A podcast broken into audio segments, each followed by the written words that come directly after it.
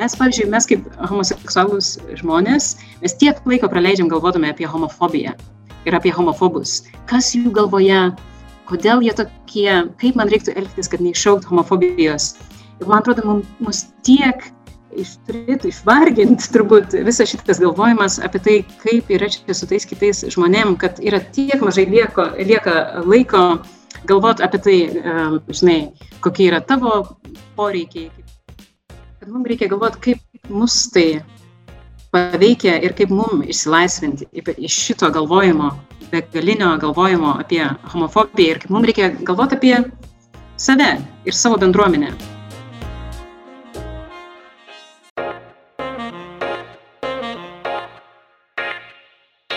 Aš manau, kad... Ką turėjau omeny? Ar jūs negalvojate? Aš manau, kad tokių dalykų iš vis Aš negali. viso nesuprantu, ką turėjau. Viską aš Nu tikrai ne. Ką turėjau omeny? Aš ne prieš juos, bet.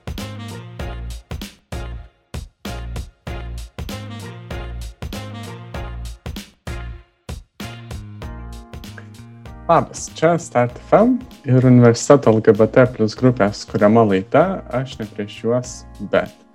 Prie mikrofono aš Prieglas ir Ada. Labas, Ada. Sveiki. Ir šiandien svečiuose mūsų laidoje lyginamųjų lyčių studijų mokslų daktarė, dirbanti Centrinėme Europos universitete Budapešte, Vengrijoje, tai Rasa Navickaitė. Tai sveiki, Rasa. Labas, labas priekliu, labas kada. Ačiū labai, kad radot mums e, laiko šiandien.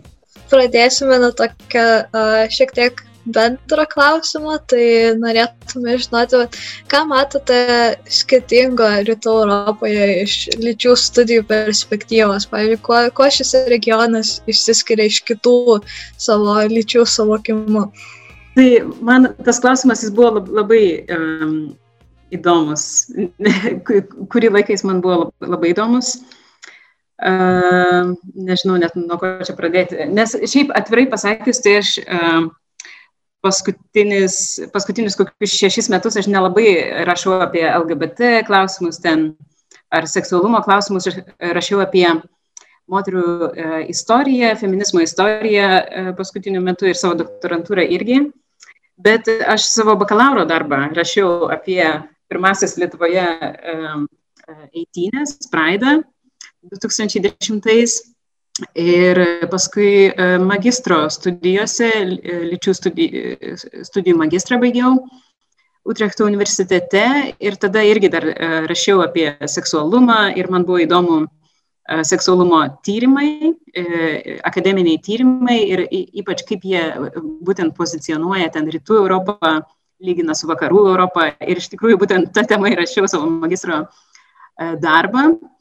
E, Paskui man, man nusibodo ta tema labai, bet em, man atrodo, nu, e, linkstama yra e, apibendrintai kalbėti e, apie rytų Europą ir gal ir yra e, tų panašumų, kažkokių tai istorinių, bet man atrodo, kad dabar jau e, galbūt apie tą, nu, žinoma, visuomet kalbame apie sovietinę praeitį ir kaip tai paveikė, e, kaip socializmas paveikė ten mūsų dabar, dabartinę politiką, požiūrį ir taip toliau.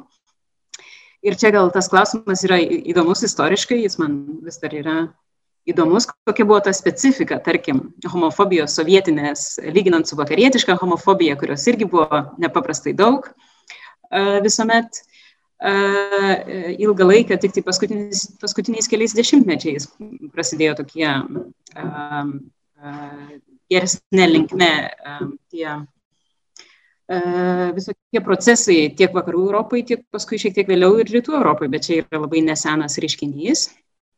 Uh, tai Žodžiu, man įdomi yra ta specifika, kaip, pavyzdžiui, sovietiniais laikais, kaip tenai e, buvo mediciniškai, psichologiškai, e, ten visuomeniškai tas homoseksualumas suprantamas, tarkim, e, žinai, tos visos nekonvencinės, visas nekonvencinis seksualumas, ar ne? Bet man atrodo, kad iš aktyvistinės perspektyvos dabar jau yra 2021 metai, turbūt nebelabai yra verta kalbėti apie kažkokį tai mūsų, e, apie tai, kaip čia dabar ta sovietų praeitis, e, kaip mūsų iki šiol veikia, nes man atrodo, 30, daugiau kaip 30 metų prabėgo ir man atrodo, kad tiek visokių dalykų įvyko po to, kad apie tą būtent rytų Europos specifiką kalbėti, kas žino, ar netgi beverta. Gal dabar apie Lietuvos specifiką verta labiau kalbėti, kas yra Lietuvoje kultūriškai ypatinga mums ir, ir vyksta, nes jo, visur yra visokių tų, visokių tų, tų kaip čia, procesų vyksta ir, ir dėja mūsų kaiminėse šalyse labai negerų procesų vyksta šiuo metu. Jo, bet aš kažkaip dabar gal net vengiu kalbėti apie rytų ir vakarų Europą taip abstrakčiai labai. Nes čia tiesiog kažkaip, čia labai nemoksliškai yra, nes kur tu brėži tą ribą, kur ten baigėsi tie rytai, tai tarkim Vokietija yra suskilus tarp rytų vakarų, tuomet galima sakyti, ir visokių tokių problemų kyla. Ir apskritai, pavyzdžiui, ar, ar pavyzdžiui, Rusija yra tas pats, kas Čekija, ne, ne tas pats, Estija yra ne tas pats, kas buvusi Jugoslavija ir taip toliau ir kažkaip, um, jo, Tai tas kaip, kaip, kaip, kaip terminas, konceptas gal yra jisai problematiškas, jeigu taip, iš mokslinės perspektyvos, ar ne, kalbant. Bet um, žmonių įsivaizdavime tai jis turbūt vis dar labai gajus. Ir... Jo, taip, jisai labai gajus. Um, ir man atrodo, kodėl man labai įdomu buvo magistro laikais, nes apie tai rašyti, kodėl man buvo įdomu, nes aš pati išvažiavau į užsienį, į vakarus, į Olandiją e, ir pati susidūriau, taip sakant, tiesiogiai su tuo požiūriu į rytų europiečius, e, kuris buvo labiausiai, tai buvo tiesiog toks nieko nesupratimas, kas tai čia yra. Ta, iš kur aš esu, kas čia ta Lietuva, tiesiog nieko nebuvo man iš pradžių labai skaudino. Mane iš pradžių išvažiavau į Angliją, paskui į Olandiją ir man kažkaip tai buvo dievė, kaip čia niekas taip nežino, nieko apie mūsų, e, žinai, šalį, galvoja, kad mes rusiškai kalbam. Čia, nu, labai e, buvo sudėtinga, e, bet paskui man taip kažkaip nusibodo būti ambasadorė Lietuvos Rytų Europos ir tiesiog kažkaip, jo, tiesiog pasidarė ne, nebeįdomu tai, bet uh, tas požiūrį, tai jo, aš jį uh, jaučiau asmeniškai, pavyzdžiui, teko susidurti su tokia, prisimenu labai uh, gyvai vieną tokį pokalbį su tokia uh, labai tokia poš uh, britų šeima, uh, kuri maždaug sužinojo, kad aš esu homoseksuali, čia esu santykiuose su moterim ir, ir esu iš Lietuvos, iš Rytų Europos. Ir jie maždaug taip, taip į mane pasižiūrėjo ir su tokia užuojautą veidę, sako, o tu, o tu įsivaizduoji, kad galėtum kokį vieną dieną grįžti į Lietuvą. Taip, taip, jau niekaip. Ir aš taip galvoju, taip, ir tas klausimas, iš kur jis apskritai čia išdygo, ne, aš iš Lietuvos bėgau, kur nors, nei čia, žinai, manęs e, niekas nepersitikėjo ten su kokiais tai fakelais, bet toks atrodė, kad aš tiesiog pabėgau iš degančio kažkokio tai namo, jiem taip atrodė.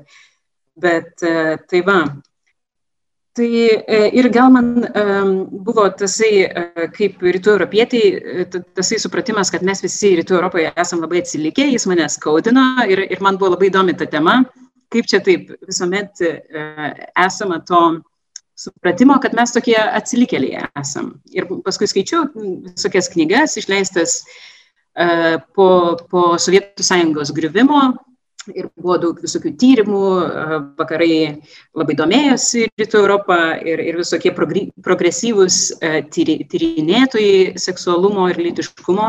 Jie maždaug važiavo į Rytų Europą, norėjo atrasti Rytų Europą, palyginti ją su vakarais ir taip toliau. Ir patys Rytų Europiečiai kai kur tai darė. Ir visuomet būdavo toksai, kaip čia pasakyti, implikuotas, paslėptas iš ankstinis nusistatymas, kad Rytų Europai turi būti blogiau.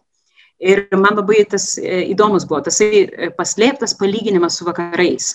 Ir Lietuvoje irgi tai daro mokslininkai, e, kai, kai, kai aprašinėja daug socialinių, politinių fenomenų tame tarpe ir, pavyzdžiui, homofobija, kad visuomet yra tasai paslėptas palyginimas su vakarais, o kartais net ir nepaslėptas. Tai kai jis yra nepaslėptas, tai dar yra neblogai, nes tuomet tu gali kažkokias tai tu gali kažkokias lyginimo kategorijas ten išsiaiškinti, visų faktus aptarinėti. Bet dažniausiai yra toks tiesiog užslėptas įsitikinimas, kad vakaruose visuomet visais atžvilgiais yra viskas geriau. Ir tuomet su tuo idealizuotu vakarų mm, paveikslu tu lygini viskas kaip yra blogai Lietuvoje. Ir čia yra tiesiog tokio rašymo yra labai labai daug mūsų uh, socialiniuose tyrimuose, ypač šitoje srityje. Uh, tai šito reiktų, man atrodo, atsikratyti po truputį ir, pavyzdžiui, daryti tikrus uh, tuos lyginamosius tyrimus. Tas tai tikrai įdomu.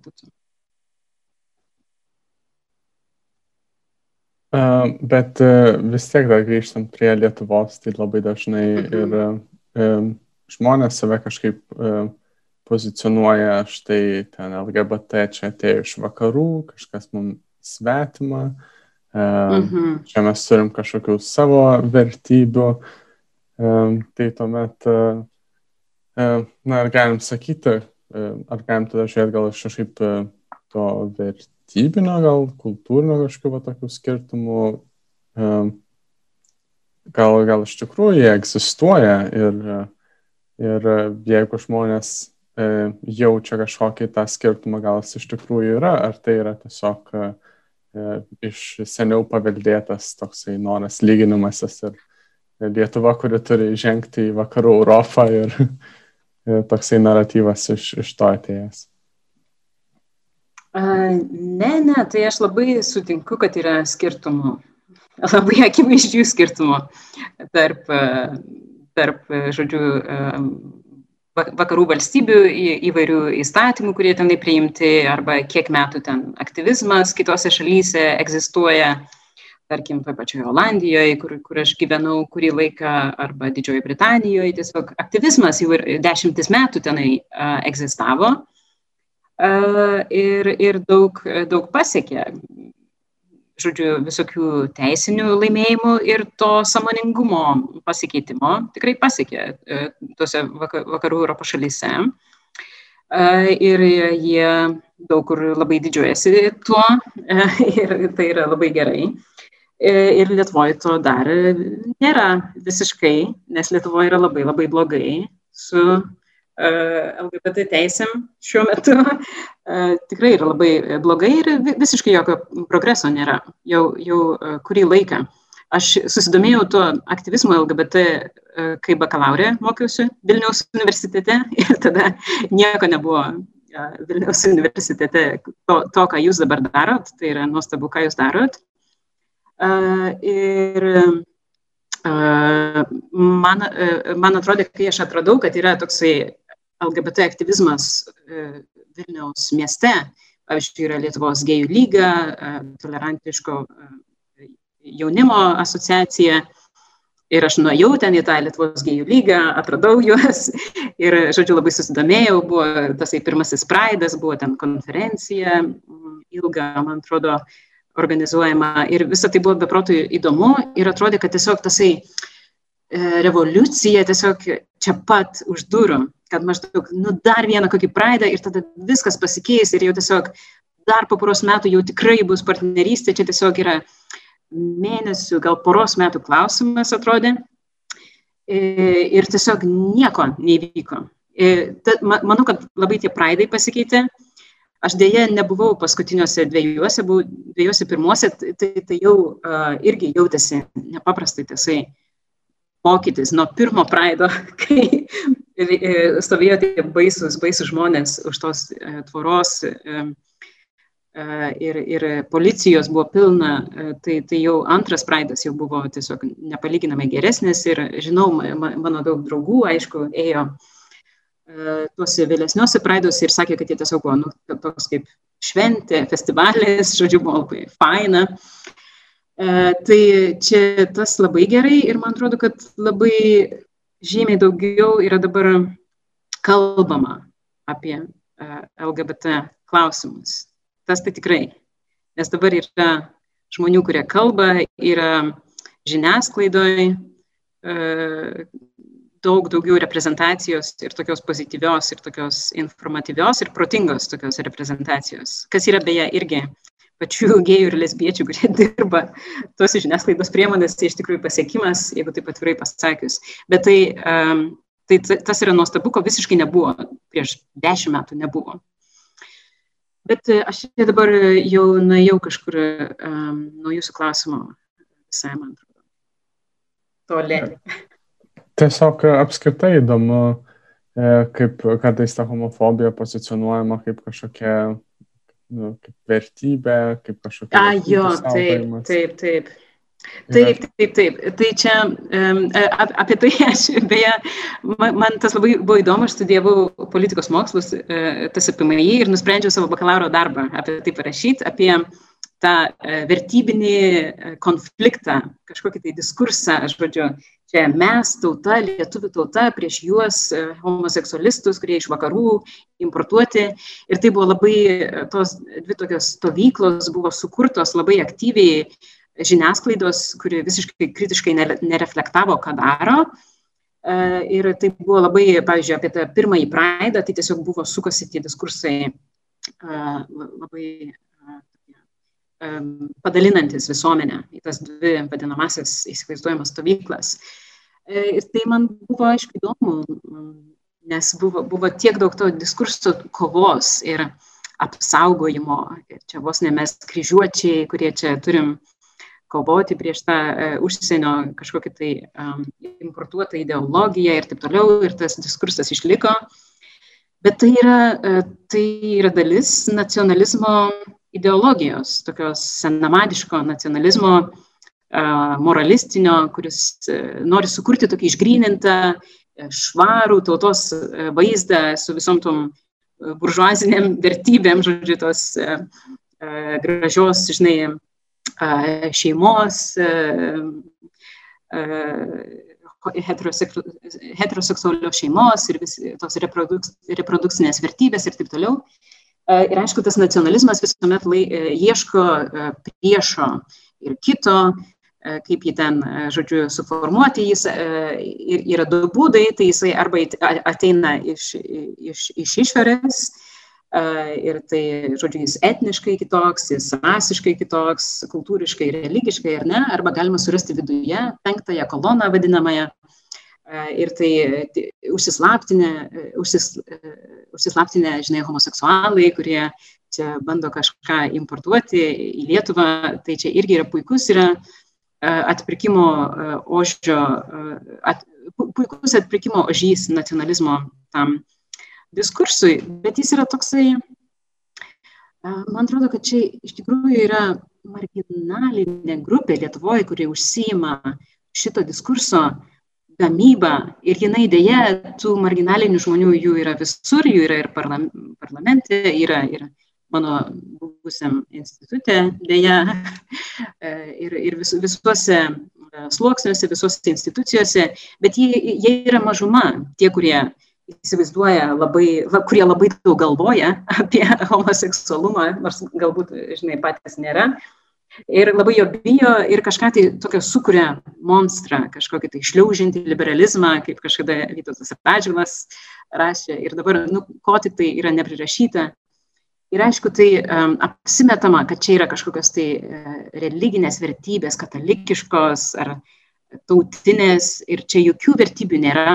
Žinoma, čia yra, uh, čia yra jo siauras mąstymas ir nesugebėjimas priimti realybės, kokia jinai yra įvairi ir, ir įdomi ir uh, kitokia, negu tu įsivaizdavai, augdamas savo, žinai, toj mažoj kažkokioj tai toj aplinkoje, iš kurios tu negali išsivaduoti. Ir jo, ir, ir tie žmonės yra labai užsispyrę ir jie mato, kad daug, daugelį, daugelį šalių, pasaulio šalių šita ideologija, šitas diskursas sukrovė daugeliu politikų labai daug tų dividendų, vadinamų, kaip čia pavadinti, žodžiu, sukrovė e, po, po, politinio kapitalo, e, nes žmonėm patinka nekesti kažko tai ir jie mato, pavyzdžiui, Lietuvoje, aš manau, e, daug žmonių, tokių žmonių mato, kas įvyko Lenkijoje, kas įvyko Vengrijoje ir kaip ta politika suradikalėjo, sukonservatyvėjo labai baisiai ir kaip homoseksualų žmonės, trans žmonės, kaip jie tapo tuo atpirkimo ožiu ir tokiu tuo taikiniu, ant kurio gali varyti ir sakyti, ką nori, žodžiu, ir, ir labai yra patogu tiem žmonėm. Tai Lietuvoje tas dar nėra atsitikę. Ir mano teorija yra ta, kad Lietuvoje yra labai mažai progreso. Tai aš manau, kad kaip bus progreso ir Tomas Vytautas Raskevičius, kai jis pasieks, um, duok Dievė pasieks tai, kad būtų, pavyzdžiui, partnerystės įstatymas įteisintas, manau, tada suradikalės ir dešinė. Bet turbūt nėra kito kelio, nes nežinau, nu, negalima taip gyventi. Lietuva yra išstumus tiek žmonių iš Lietuvos, kurie tiesiog nori normaliai gyventi.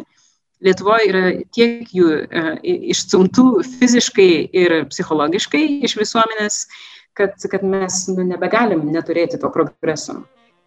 Tai dabar mes trumpam išeisime į muzikinę pertrauką ir mhm. po jos toliau tęsime pokalbį apie homofobijos temą šią.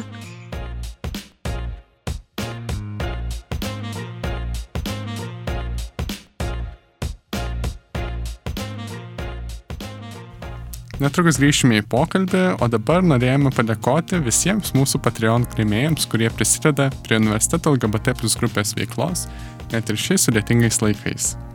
Esame nepelno siekianti organizacija, kuriai labai svarbi bendruomenės finansinė parama, kad galėtume dar garsiau kalbėti apie žmogaus teisės Lietuvoje.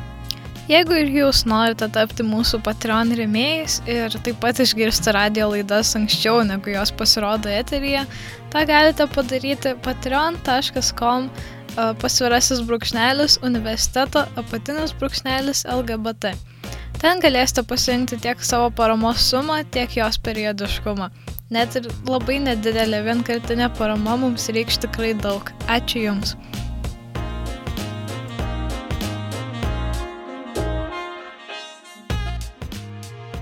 Čia Start FM radijas ir universiteto LGBT plus grupės laida Aš ne prieš juos, bet.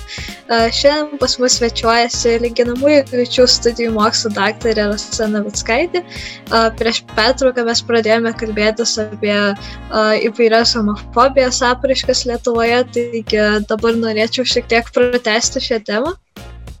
Ir, uh, pavyzdžiui, paskutiniu metu labai daug stebime tokios uh, radikalios neapykantos, tai, pavyzdžiui, vaivorykštės vėliavų deginimas uh, ir taip pat Seimo narys uh, Tomas Vytautas Askevičius dabar dažnai savo Facebook'o sienoje dalinasi įvairiomis neapykantos žinutėmis. Uh, tai, pavyzdžiui, Kaip jūs apibūdintumėte, kas būtent yra homofobija? Ar tai yra kitokios vertybės, ar tai yra atsilikimas nuo vakarų, ar tai yra per daug seksualiai susivaldžiusios visuomenės požymis, baimės kažkokios? Ar tai gal yra tik vienas iš kažkokių kelių dalykų, ar e, galbūt kažkoks, nežinau, tarsi vienas iš simptomų ar kažko ar kažkaip panašiai? Um, jo, uh, aš matau tą, tą, tą homofobiją, um, žinoma, um, Lietuvoje. Um, jo, girdėjau apie tą vėliavos sudeginimą, ar, ar kas, kas ten su ja buvo aptrypta ir taip toliau. Uh, jo, girdėjau, žodžiu, apie tos visus homofobijos pasireiškimus uh, ir um, uh, jo, matau, ką Tomas Vytautas Reskevičius um, jisai, kuo jisai dalinasi Facebook'e visom tom grasinimais, kad jį tenai visai sudaužys ir taip toliau. Tai, um, uh, jo, tai jį bando įbauginti žmonės ir mūsų visus bando, mūsų visus homoseksualius um, žmonės bando šitaip įbauginti šitie žmonės, kad mes niekuomet nieko nešnekėtumėm ir nedarytumėm. Uh, ir, ir nes bijosim, kad mūsų daužys gatvėje. Ir apskritai, na, homofobija, nežinau, čia gal klausimas yra psichologams ir sociologams, iš, iš kur jinai atsiranda, kas tai yra, galbūt yra kažkoks tiesiog, žodžiu, biologinės priežastis, ar, ar jie gimsta tokie, nežinau, ar jie taip išsivysto, gal šeima, gal jos ten kas nors, žinai, aš aišku juokauju, nes, žinai, visi šitie argumentai apie tai, šitaip kalbam apie homoseksualumą, ar ne, ar jie gimė tokie, ar, jis bet mes, pavyzdžiui, mes kaip homoseksualus žmonės, mes tiek laiko praleidžiam galvodami apie homofobiją ir apie homofobus. Kas jų galvoje, kodėl jie tokie, ką aš padariau ne taip, kaip man reiktų elgtis, kad neiššaukt homofobijos.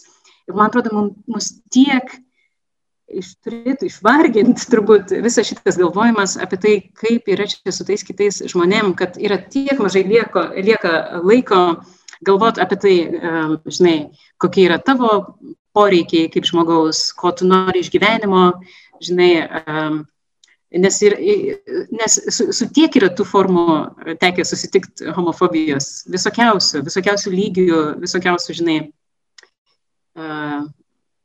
jo visokiausių pasireiškimų gyvenime nuo ankstyviausių, žinai, e, dienų, kai formuojasi e, tavo ta e, sąmonė, kaip, žinai, homoseksualaus žmogus, mano atveju, arba trans žmonių, aš, aš manau, kad dar yra sudėtingiau kai kuriais atvilgiais.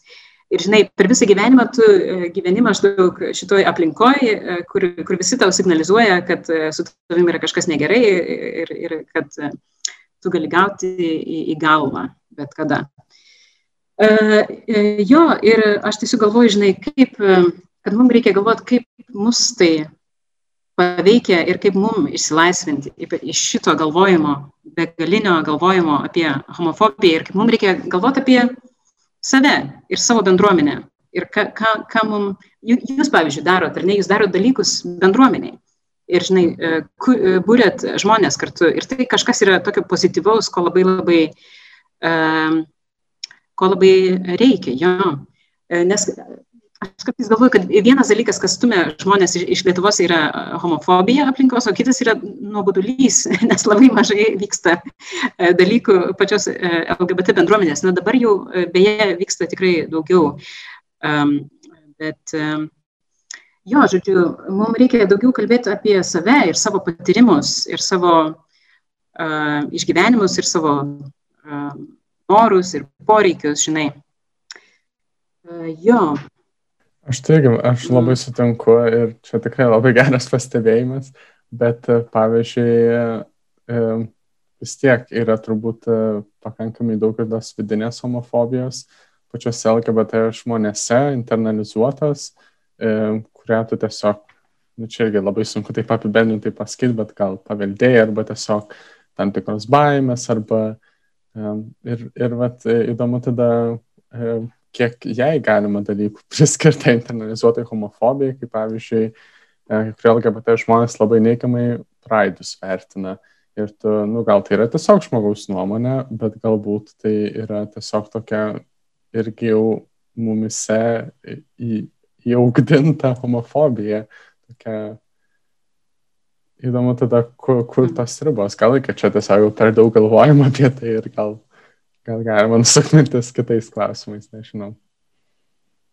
Um, uh, jo, jo. Um, jo, aš manau, kad kaip, kaip žodžiu, kai, kai esi, žinai, priklausantis tai uh, mažumai, uh, vadinamai seksualiniai mažumai, tai jo, tu negali išaukti kaip žmogus, neturėdamas internalizuotos homofobijos. Čia yra tokia mano nuomonė. Galbūt, nežinau, aš nesirimiu jokiam teorijom, nes labai seniai skaičiau kažkokią tai queer uh, teorijas, dėja, nes labai uh, ilgą laiką nedirbau su šitais klausimais. Bet uh, jeigu taip um, iš asmeninės gal perspektyvos galvojant. Tai tiesiog, pavyzdžiui, kai, kai aš irgi, ar ne, kai, kai atvykau studijuoti į Vilnių ir, žinai, vis tiek tu esi ten tuose visokiuose socialiniuose ratuose, žinai, susitinki naujus žmonės, tu, tuo metu vyksta kažkokie tai procesai galvoje, ten apie save, žinai, galvoje, atradinėjai save.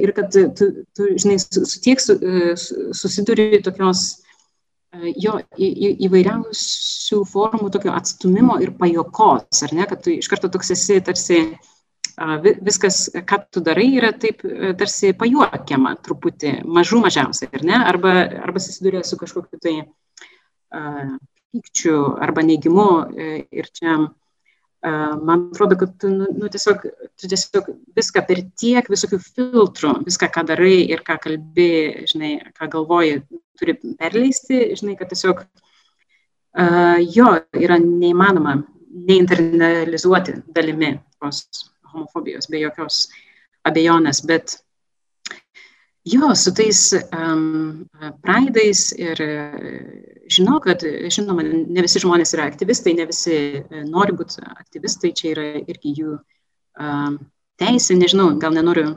psichologizuoti, nes uh,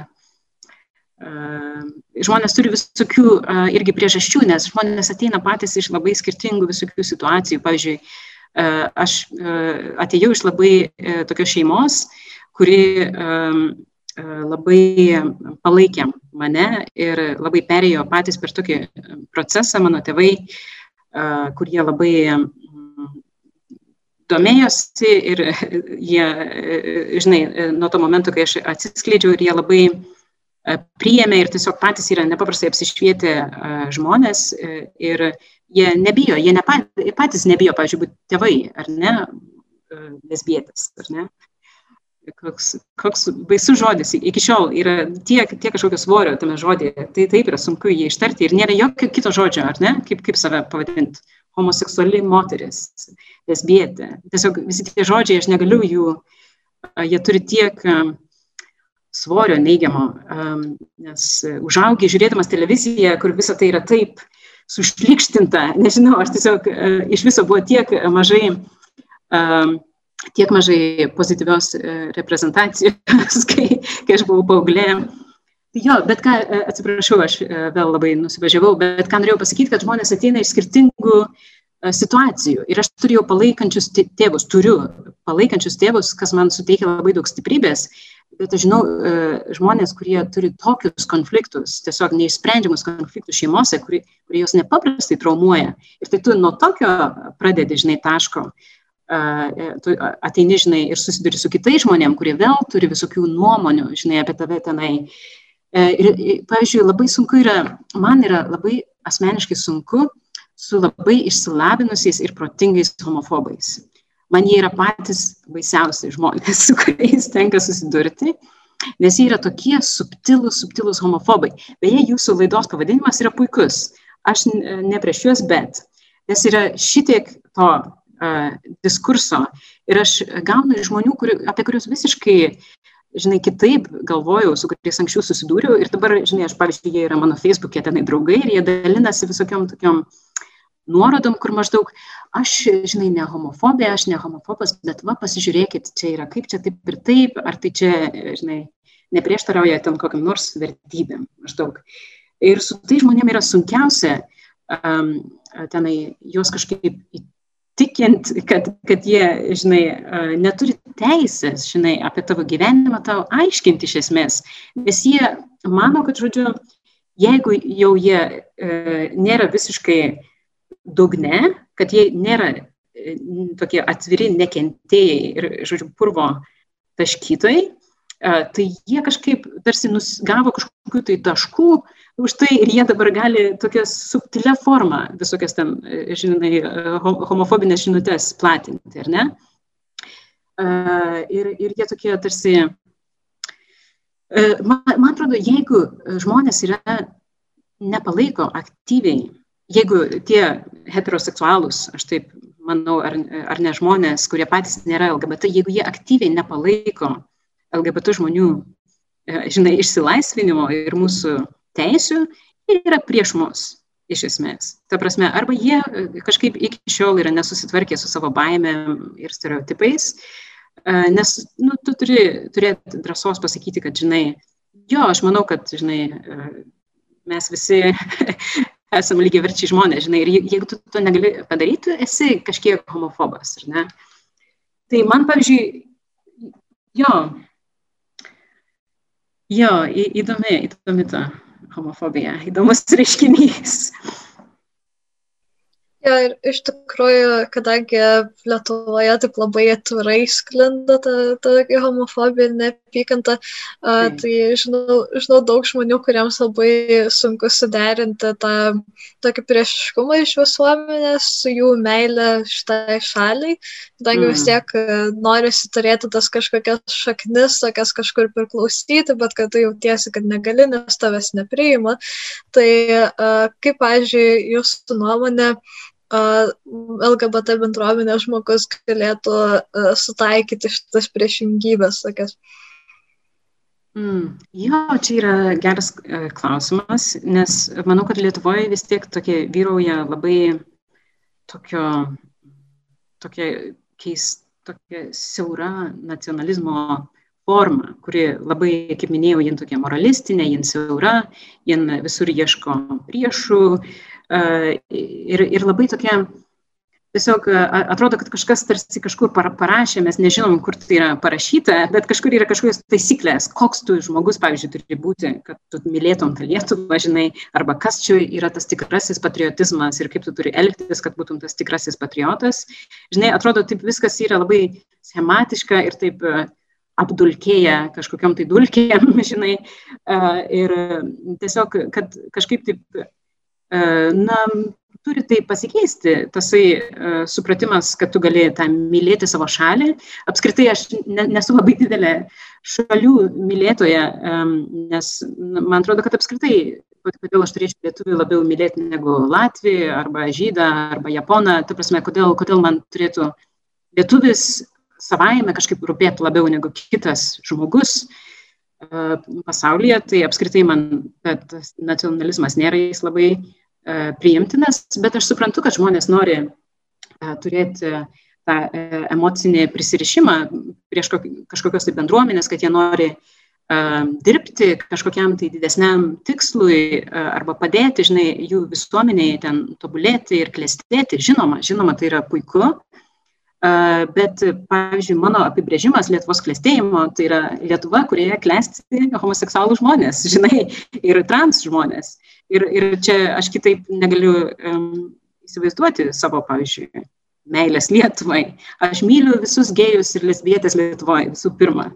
E, žinai, žmonės tokius e, kaip aš, ar ne? Ir, ir aš noriu, kad jie galėtų gyventi laimingai. Čia, ir, ir tai nereiškia, kad aš kitus mažiau myliu, ar ne? Bet, Uh, jo, jo, kodėl šitai nėra? Kodėl šitai nėra patriotizmo forma, pavyzdžiui? Yra.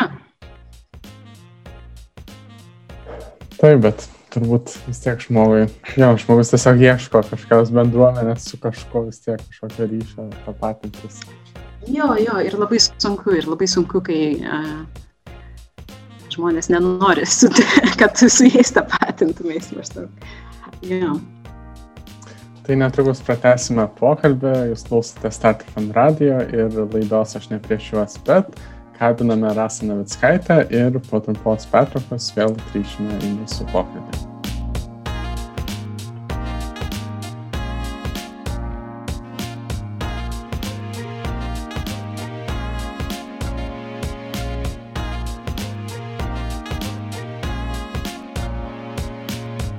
Jūs vėl klausote StatFM radio ir universiteto LGBT plus grupės laidos. Aš ne prieš juos, bet čia mūsų laidos viešne um, lyginamųjų lyčių studijų mokslo daktarė Rasa Navickaitė ir mes prieš pertrauką kalbėjome apie internalizuotą homofobiją ir uh, kas tai yra, kaip, kokius, uh, kaip mes tą galime stebėti mūsų visuomenėje. Bet dabar šiek tiek norėtume pereiti prie jūsų darbo universitete ir e, paklausti, kaip atsidūrėte Vengrijoje. Tokiam, tokia atrodo Europos šalis, bet iš tikrųjų Europos centre, bet dažnai turbūt mažai pažįstama bent, bent jau man, pavyzdžiui. Taip, tai um, aš tiesiog uh, Aš baigiau magistro studijas, lyčių studijas baigiau Olandijoje, Utrechto universitete, ten gyvenau tris metus ir paskui tiesiog ieškojau, kur įstoti į doktorantūrą, nes norėjau tęsti lyčių studijas. Ir tiesiog patekau priėmė mane Vidurio Europos universitetas ir man labai patiko departamentas, ten buvo toksai puikus lyčių studijų departamentas. Ir taip ir atvažiavau į Budapeštą, kuris buvo nuostabus miestas. Man iš pradžių aš atvažiavau iš labai brangios šalies, kur viskas buvo labai brangu. Olandijos į Budapeštą, staiga viskas buvo pigu, prieinama. Nuostabus miestas buvo progresyvesnis negu Lietuva, tuo metu, kai atvažiavau, kas jau buvo visai seniai, 2014 metais, dar buvo vis tiek progresyvesnė, manau, netgi šalis negu Lietuva. Nes Vengrijoje na, šitą temą, kurią kalbam, ar ne, LGBT prieimimo. Vengrijoje, pavyzdžiui, anksčiau prasidėjo tie praidai, man atrodo, 95 metais jie turėjo pirmą praidą ir jie buvo tokie labai masiniai, tų organizacijų yra, jie turi ir atskirą trans, pavyzdžiui, teisų organizaciją ir, ir visokių tų organizacijų buvo, pavyzdžiui, buvo du lesbiečių barai, įsivaizduojate, vienam mieste du lesbiečių barai buvo Budapešte vienu metu. Tai čia net Olandijoje šitaip nėra, nes visi barai, visi klubai yra gėjų. Bet čia kažkaip Budapešte taip, na, tiesiog taip yra, kažkaip vyrai, vaikinai, žodžiu, daugiau turi tų vietų susitikti. Ir čia buvo, žodžiu, moterim tik tai, ar ne? Dvi kavinės. Ir jos tiesiog užsidarė tais pačiais metais, kai aš atvykau. Ir viskas ėjo tik blogin, blogin, blogin, blogin Vengrijoje. Labai dėja, nes labai konservatyvus dabar yra konservatyvi vyriausybė Vengrijoje, ta Fides partija turi absoliučią daugumą parlamente, jie pakeitė konstituciją, kai pateko valdžią ir įtvirtino savo galę ir, žodžiu, labai tokių liūdnų tų um, procesų čia įvyko Vengrijoje ir dabar Vengrija negali būti vadinama demokratinė šalim, jin yra pusiau autoritarinė šalis. Ir, pavyzdžiui, kaip jie tvarkosi su pandemija, su koronos virusu, tai irgi labai kvestionuotina turi, tai jie turi tą ypatingąją padėtį įvestą, dabar jie vėl jie pratėsi keliam mėnesiam, kuris suteikia Viktorui Orbanui galimybę tiesiog leisti tokius um, neįstatymus, bet, žodžiu, pavedimus, man atrodo, valdyti šalį tiesiog pavedimais. Žodžiu, ką jis parašo, kitą dieną yra įstatymas, ar ne? Ir jis tiesiog vos ne vieną pirmųjų dalykų, kurį padarė, kai prasidėjo šita pandemija, koron, koronos viruso, jisai suvaržė trans žmonių teisės. Tiesiog atrodė, kad tai buvo tiesiog pats svarbiausias dalykas, kurį reikėjo Vengrijai padaryti, plintant, žodžiu, koronavirusui, jie įteisino, žodžiu, kad lytis įstatymuose tik tai reiškia biologinę lytį. Žodžiu, nustatoma pagal ten prigimtinės ten genitalijas ir, žodžiu, visokias ten pirminės seksualinės charakteristikas, ar ne? Nežinau, kaip jie ten tiksliai įvardijo, bet žodžiu, kad Tai iš esmės reiškia, kad dabar žmonės visiškai neturi jokios galimybės Vengrijoje pasikeisti lyties te, teisiškai. Ne?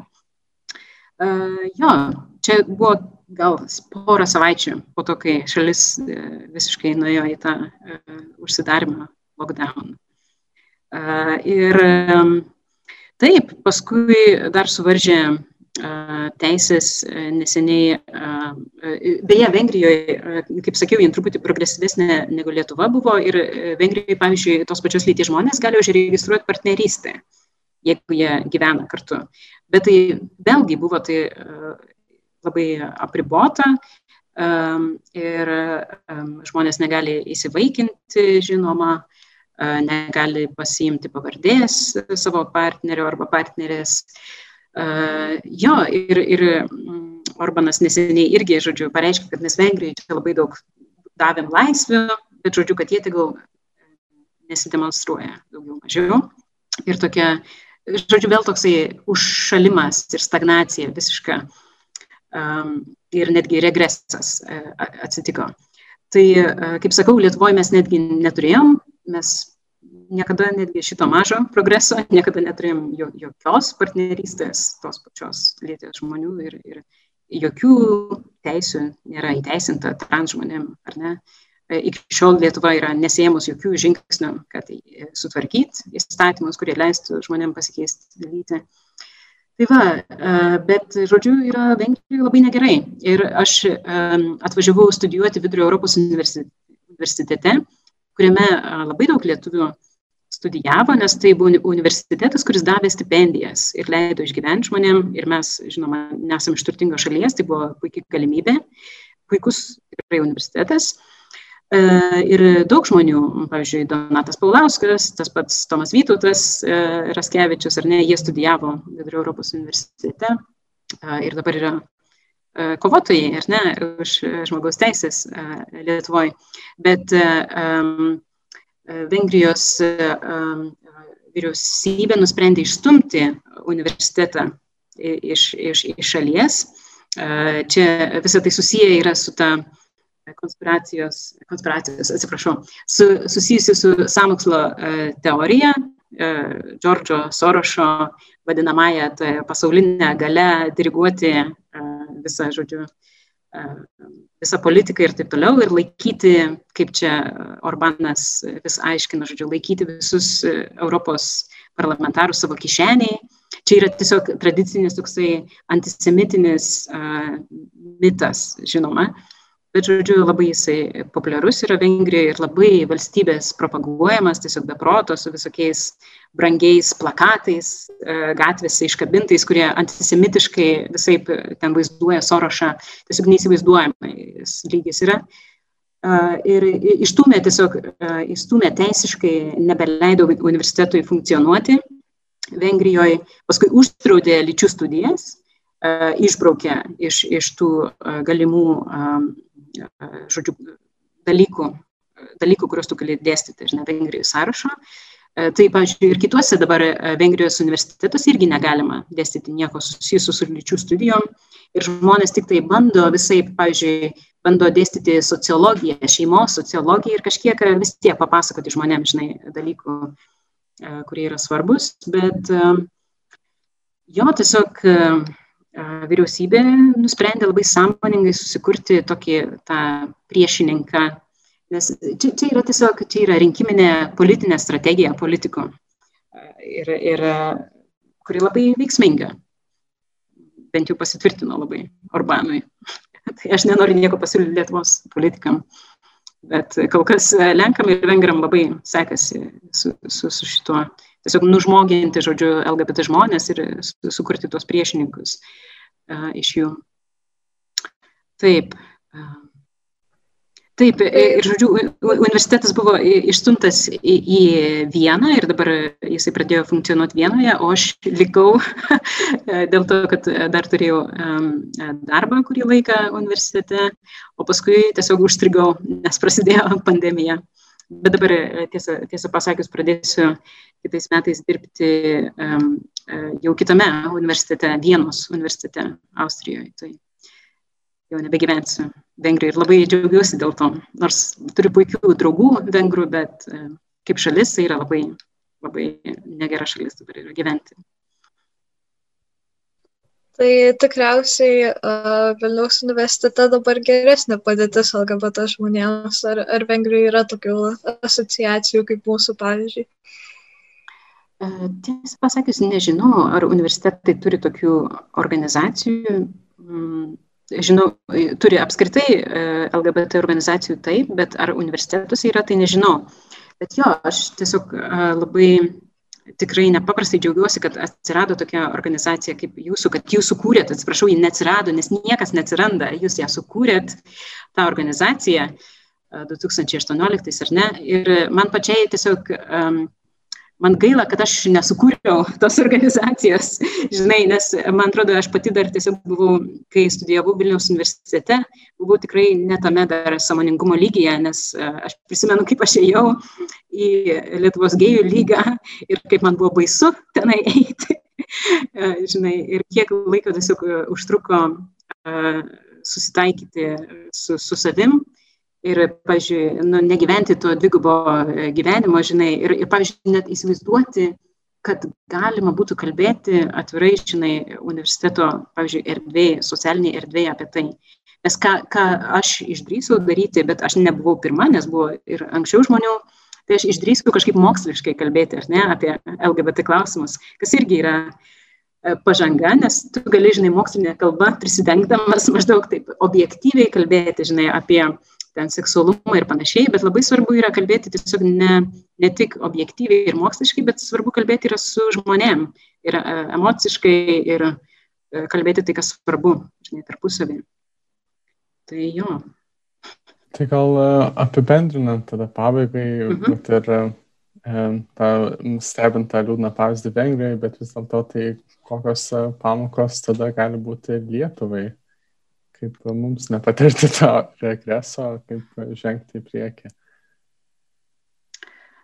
Tikrai nežinau, kaip mums Lietuvoje nepatirti regreso.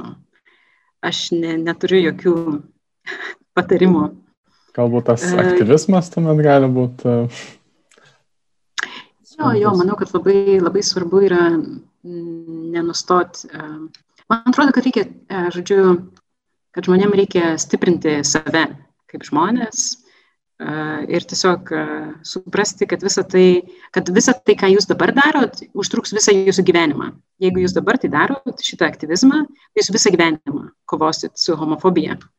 Šiaip jau, jeigu taip liūdnai, manau, kad gal keisis formos, gal kažkas blogiau bus, gal kažkas geriau, bet manau, kad čia tiesiog yra mūsų tokia mūsų našta, žodžiu, nu, mes gyvenam su tuo, kad, kad, žinai, kad ir kiek, uh, žinai, kai, kai, kai tu supranti ir ne, kad aš įsivaizduoju, kad jūs, uh, nežinau, uh, ar, ar jūs, aš, aš nežinau, ar jūs esate patys homoseksualus ar, ar žmonės, bet vis tiek, žodžiu, jeigu jūs turit kažkokią tai tą coming out ar ne atsiskleidimo patirtį savo gyvenime, arba jūsų draugai, su kuriais įkūrė tą organizaciją, ar ne, Tai kai atsiskleidžiat vieną kartą, tai tada pamatot, kad vieno atsiskleidimo negana.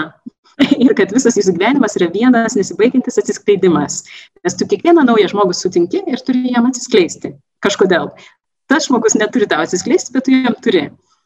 Uh, ir jo, ir tai tiesiog uh, labai reikalauja daug tvirtybės. Ir aš tiesiog linkiu ne, neperdegti ir atrasti kažką, kas o, e, taip pat e, jum ir e, smagu yra ir malonu ir kas jums patinka. Gal jums patinka skaityti geras, žinai, knygas ar žiūrėti puikius filmus. Dabar tiek yra visko nuostabaus prikurta LGBT tematika ir tai yra tiesiog taip nuostabu. Nes tu vis, visų pirma, kas man atrodo svarbiausia yra, kas man buvo svarbiausia, Tai man buvo visų pirma svarbiausia susitikti kitus žmonės, tokius kaip aš, homoseksualius žmonės ir pamatyti, kad jie yra ne tik normalūs, bet ir nuostabus, nuostabus žmonės. Patys vieni protingiausių, įdomiausių žmonių, kuriuos sutikau gyvenimą, buvo homoseksualus, kuriuos sutinku gyvenime. Mano, mano beveik visi draugai yra homoseksualus, kai kurie nėra, bet aš gerai, gerai aš juos toleruoju, jokauju. Bet uh, ta prasme, tai kai tu pamatai, žinai, kad tai, kas tu esi, žinai, jo, nu, kad tai tiesiog ne tik, kad nėra blogai, bet kad tu esi labai geroj kompanijoje visų pirma. Tai tas yra nuostabu ir, ir kai tu uh, randi visas tas knygas, visus filmus, žinai, ir tu matai visą tą kūrybiškumą, žinai, tai yra tiesiog toks nepaprastai įkvepiantis dalykas ir šito reikia laikytis. Nes mes homofobų neįveiksim, ir mes homofobijos iki galo niekada nesunaikinsim. Ir mums reikia mažiau apie juos galvoti, man atrodo. Tai mano toks palinkėjimas. Tai labai labai ačiū Jums, kad radot mums laiko. Čia buvo Rasana Vitskaitė, prie mikrofono buvau aš Prieglis ir mano kolegė Ada.